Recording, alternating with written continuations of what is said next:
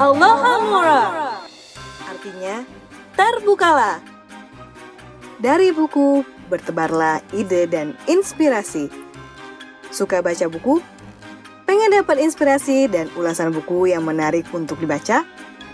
Semut-semut klub baca akan menemanimu bertualang di dunia literasi penikmat buku dan bacaan edisi Oktober 365 hari Suara Semut. Selamat mendengarkan.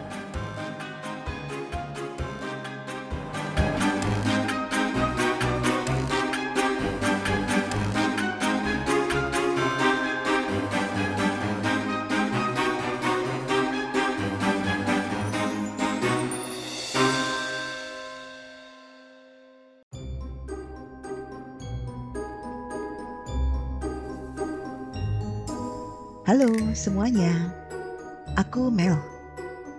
Aku mau mengajak kalian mengunjungi salah satu sudut Magical World pada beberapa lembar buku Harry Potter.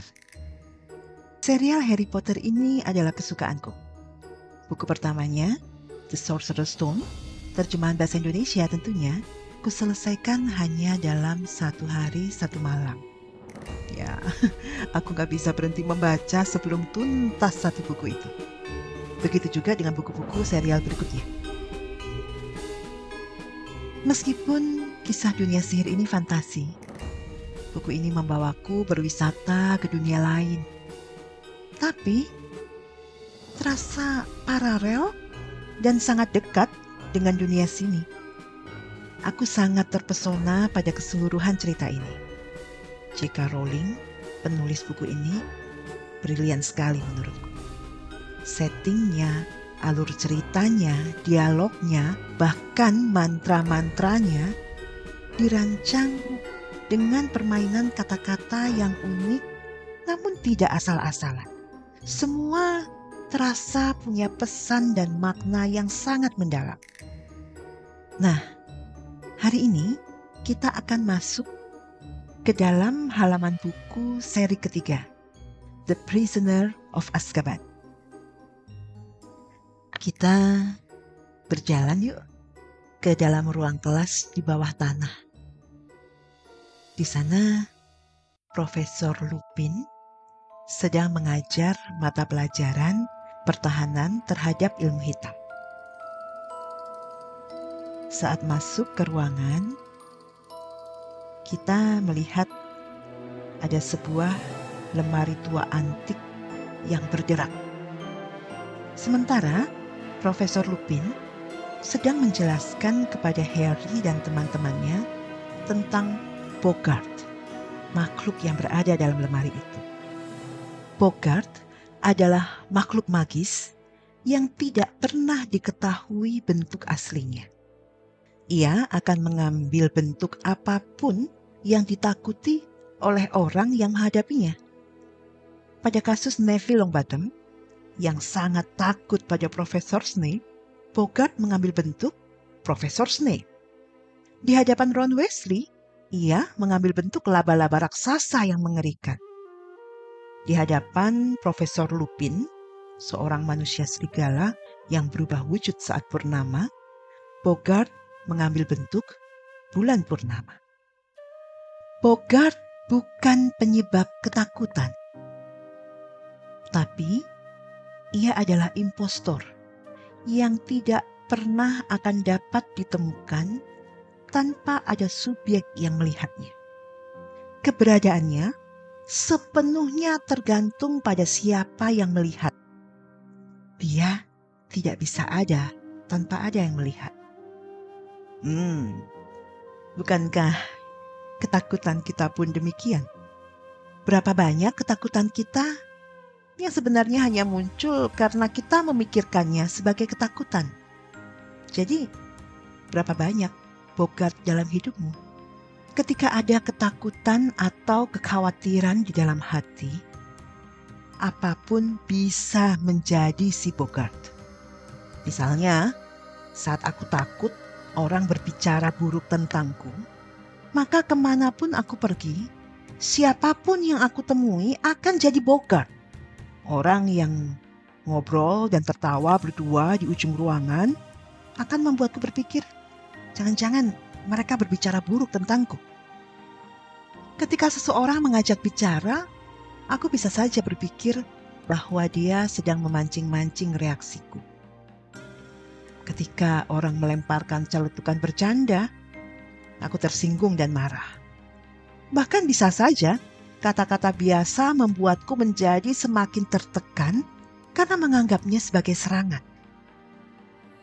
Harry Potter saat itu sempat protes pada Profesor Lupin karena tidak diberi kesempatan menghadapi Bogart. Profesor Lupin menjelaskan kalau ia khawatir Bogart akan mengambil wujud Voldemort, penyihir paling ditakuti dalam serial ini. Tapi Harry berkata bahwa yang dia takutkan bukan Voldemort, melainkan Dementor.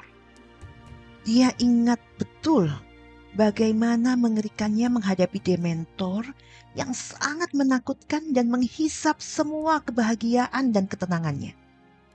Saat itu, Profesor Lupin berkata bahwa hal ini sangat bijaksana.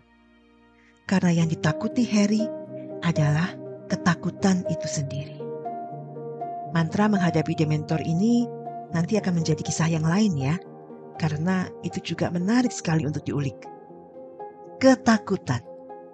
Menurut KBBI, takut itu adalah rasa gentar menghadapi sesuatu yang dianggap mendatangkan bencana. Ada unsur tidak berani dan gelisah juga di dalamnya. Kalau kita renungkan lebih jauh, rasa gentar itu sepertinya muncul karena ada rasa tidak mampu dalam menghadapi hal itu, sehingga kita tidak berani dan kemudian menimbulkan rasa gelisah, khawatir, dan tidak nyaman. Kalau begitu, cara mengatasinya mungkin dengan meningkatkan kapasitas dan kemampuan diri ya. Misalnya saja kalau saya sangat takut ular karena geli, jijik, dan tidak tahu apa yang harus dilakukan kalau sampai bertemu ular, tapi sementara itu, untuk seorang pawang ular yang memiliki pengetahuan cukup tentang ular dan keterampilan yang mumpuni dalam menangani ular, rasa takutnya mungkin tidak ada, atau paling tidak sangat bisa diatasi karena tahu caranya.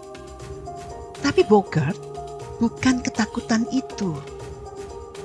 Ia adalah impostor yang berpura-pura menjadi sesuatu yang kita takuti dia tidak bisa secara langsung mencelakai kita. Tetapi ketakutan dan kekhawatiran yang diciptakan sama, sepertinya nyata. Makanya, Lupin kemudian menggunakan Bogart sebagai safe space, sebagai lawan tanding di mana Harry bisa belajar dan berlatih menghadapi ketakutannya. Namun, tidak langsung berhadapan dengan objek ketakutan itu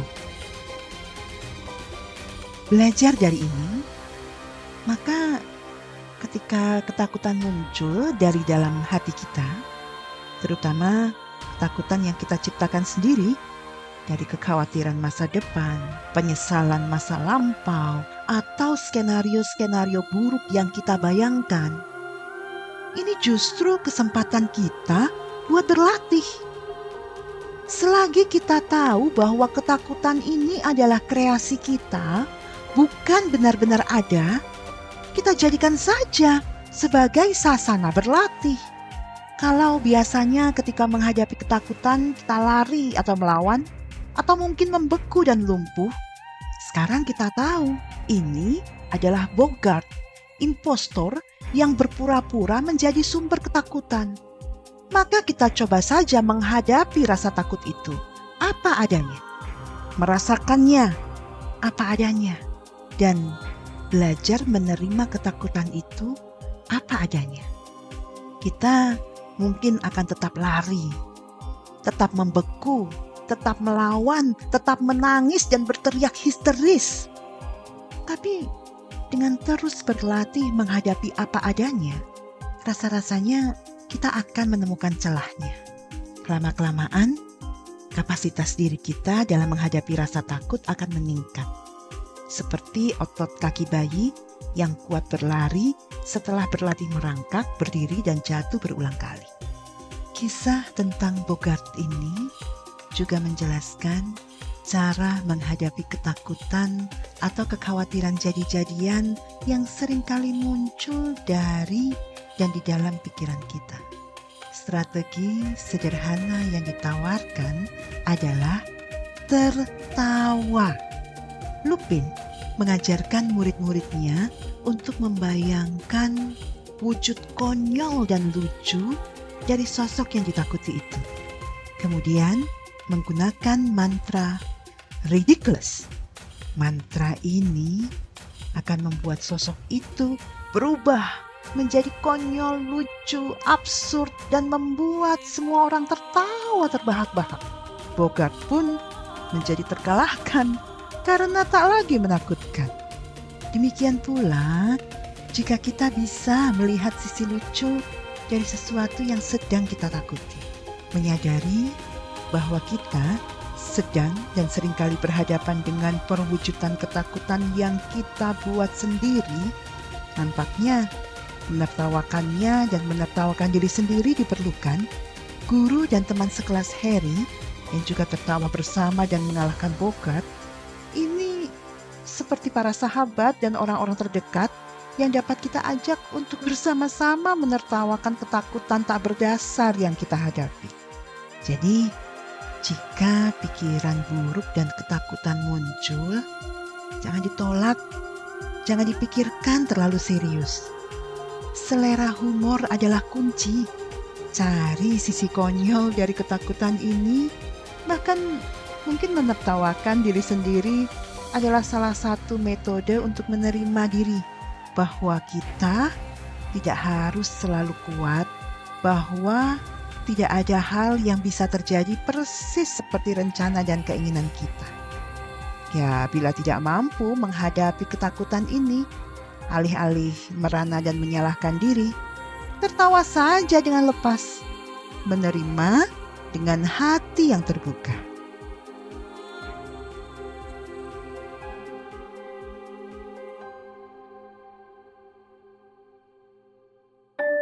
Terima kasih sudah menyimak episode dari Klub Baca SMK.